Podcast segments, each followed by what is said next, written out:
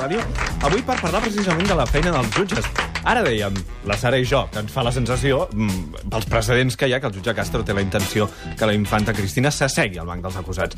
Isabel Pantoja, analitzàvem el cas aquesta setmana, condemnada a dos anys de presó i sense antecedents, per tant, tot apuntaria que no hauria d'ingressar a presó. El jutge ha decidit que sí, mm, com una, diguem-ne, decisió eh, exemplaritzant. Eh? És a dir, no puc permetre davant de l'opinió pública que un personatge de la talla d'Isabel Pantoja, quan està condemnada a presó, no ingressi. Vull donar exemple. Vull demostrar a la societat, jo com a jutge, que la justícia eh, és igual per a tothom, realment. Estem davant d'aquesta situació o no, Cristina? Em sembla que en aquest darrer cas, no. Bona tarda, eh? Hola, bona tarda, Cristina. Bona tarda. Però jo em sembla que en aquest darrer cas no.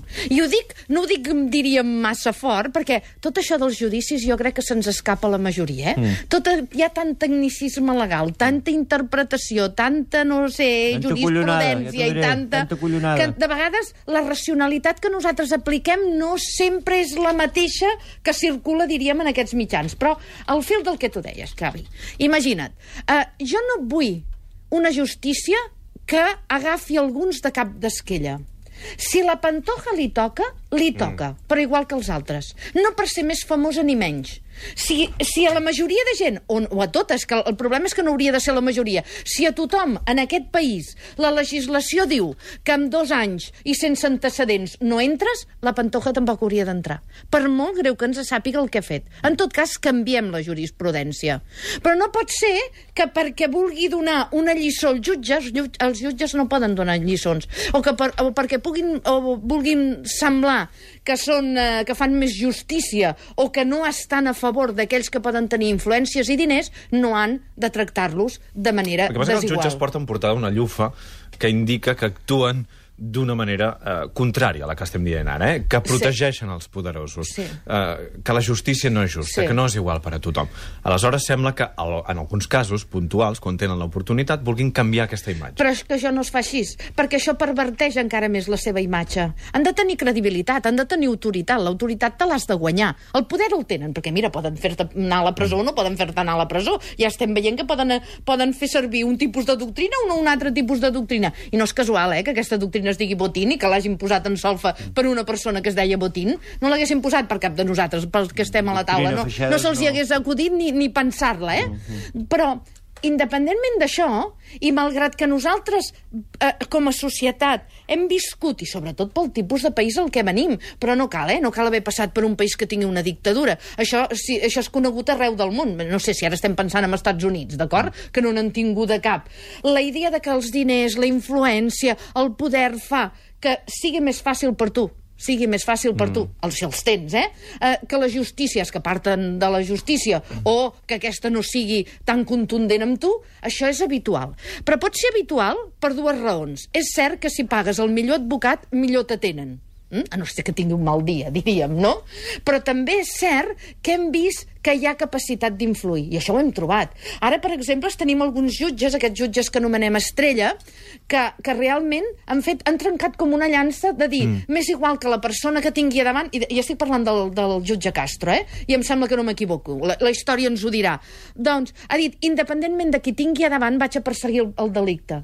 Però això no és el que ha fet la Fiscalia, per exemple, és perquè en Ah. aquest cas ha estat per escriure un llibre. Sí, és sí, a dir, sí. si alguna vegada faig alguna cosa, que segurament la, la faré sense voler, crec, eh? Jo vull aquest fiscal que m'estimi tant. Vull dir que tingui tantes ganes de defensar-me i de, sobretot, eh, treballar com sigui perquè per treure, no hi ha la sospita, per treure qualsevol raó de que hagi pogut fer alguna cosa malament. Que, és que aquí el jutge el que ve a dir és... Mm, la Fiscalia no sol·licita la imputació. Exacte.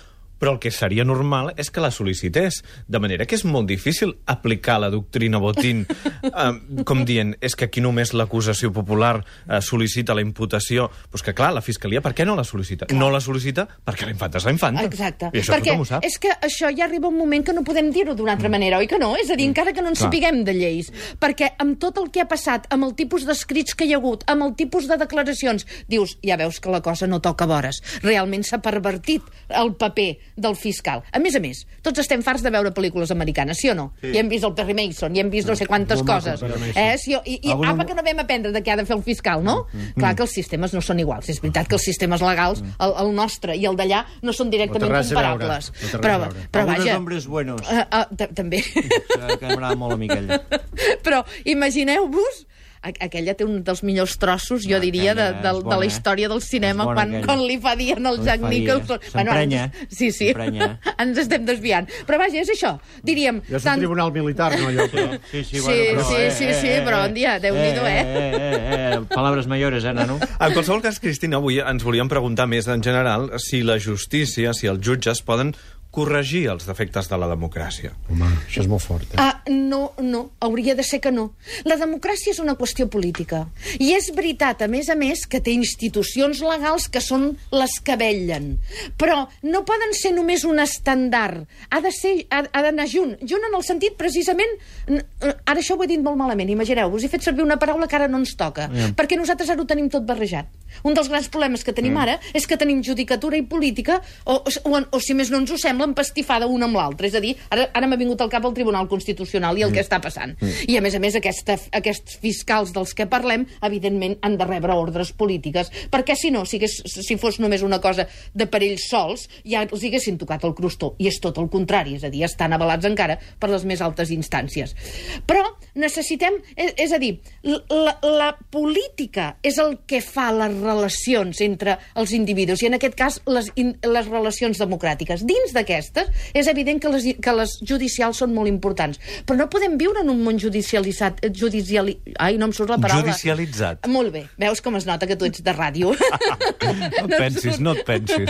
doncs no podem viure en un món així, perquè, entre altres coses, les lleis les fem entre tots, o les hauríem de fer entre tots. Tampoc estaria d'acord jo en que hi hagués un cos de juristes o d'advocats, o digue-li com vulguis, o de fiscals, que fossin, el que decidi, fossin els que decidissin per on ha d'anar el nostre món.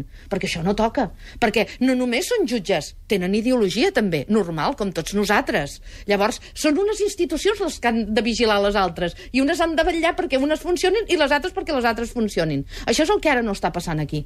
Per això, tenim, per això parlem de jutges estrella. Si no, no hauríem de parlar-ne.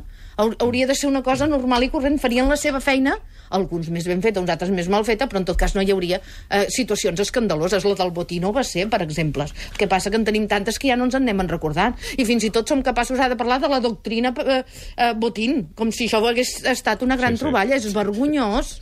És vergonyós. Mira, notícia del dia 23 de setembre. La plataforma d'afectats per la hipoteca demana als jutjats anul·lar els desnonaments basats en clàusules abusives i legalitzades per la Unió Europea. El que està fent la plataforma d'afectats per la hipoteca, la PA, és demanar als jutges que facin una cosa que si els polítics l'haguessin fet, ara no l'hauríem d'estar demanant. Els jutges, sí. I a més a més, si no recordo malament, va haver-hi un jutge que ho va portar a Europa i gràcies a ell vam aconseguir un gran canvi en aquestes situacions. És a dir, que ell va prendre mm. la iniciativa de, eh, veient que era precisament els polítics el que no l'estaven entomant. Quan la democràcia és feble, mm. ens refiem de la llei perquè el que fem és segrestar la llei. En aquest cas no estic dient que ho fes la PA, eh? ho, ho fa la política. Llavors la PA per això reclama la llei. Per què? Perquè la llei en un sistema democràtic és aquell que té la capacitat d'establir eh, la força, de, de diríem, de fer-te obeir o de fer-te, a més a més, fer alguna cosa que tu no vols. Llavors, això, en un sistema democràtic, és això, o el Ministeri de l'Interior, perquè un dia decideix trec eh, a l'exèrcit al carrer. Són els dos grans diríem, estandards, diríem, del poder en un país. Clar, en última instància és el govern, perquè per sobre de tot això se suposa que està el govern, i és el que hem vist nosaltres, i torno una altra vegada, perquè el diumenge és dia 9, amb el Tribunal Constitucional. Això és una cosa nefasta, nefasta. Perquè, de fet, les lleis se suposa que les fem entre tots. Fins i tot quan hi ha majoria, se suposa que les lleis han de, mm, com a mínim, respectar la sensibilitat de com és aquell mm. poble. Ara em ve al cap el cas de la llei de l'avortament. Perquè, si no, anem abocats a una mena de dictadura que fa que la democràcia no pugui existir malgrat que tinguem eh, o que visqui, visquem sota el concepte de democràcia. Fixeu-vos quantes vegades actualment ara el govern només fa que parlar de democràcia. Tot el que diu que està fent ho fa en nom de la democràcia. Heu vist quantes vegades fa servir la paraula? Les hauríem de comptar. Mm. Perquè si ells no s'au- s'autoimposen l'etiqueta, ningú els hi posaria. Perquè realment la seva pràctica és completament contrària al que hauria de ser una pràctica democràtica. Ha quedat clar, nois? Toma. Au, que n'aprenguin. No, sí, eh? Ah. A mi m'ha quedat clar. Ah, digues, digues el contrari, saps? No, no, Ah. el que hi ha, eh? Oh, collons, sí. Cristina Sánchez Miret, professora de Sociologia de la Universitat de Girona. Moltíssimes gràcies per haver vingut una setmana més a la tribu de Catalunya Ràdio. Que vagi bé. Gràcies Adéu-siau. a vosaltres. Adéu.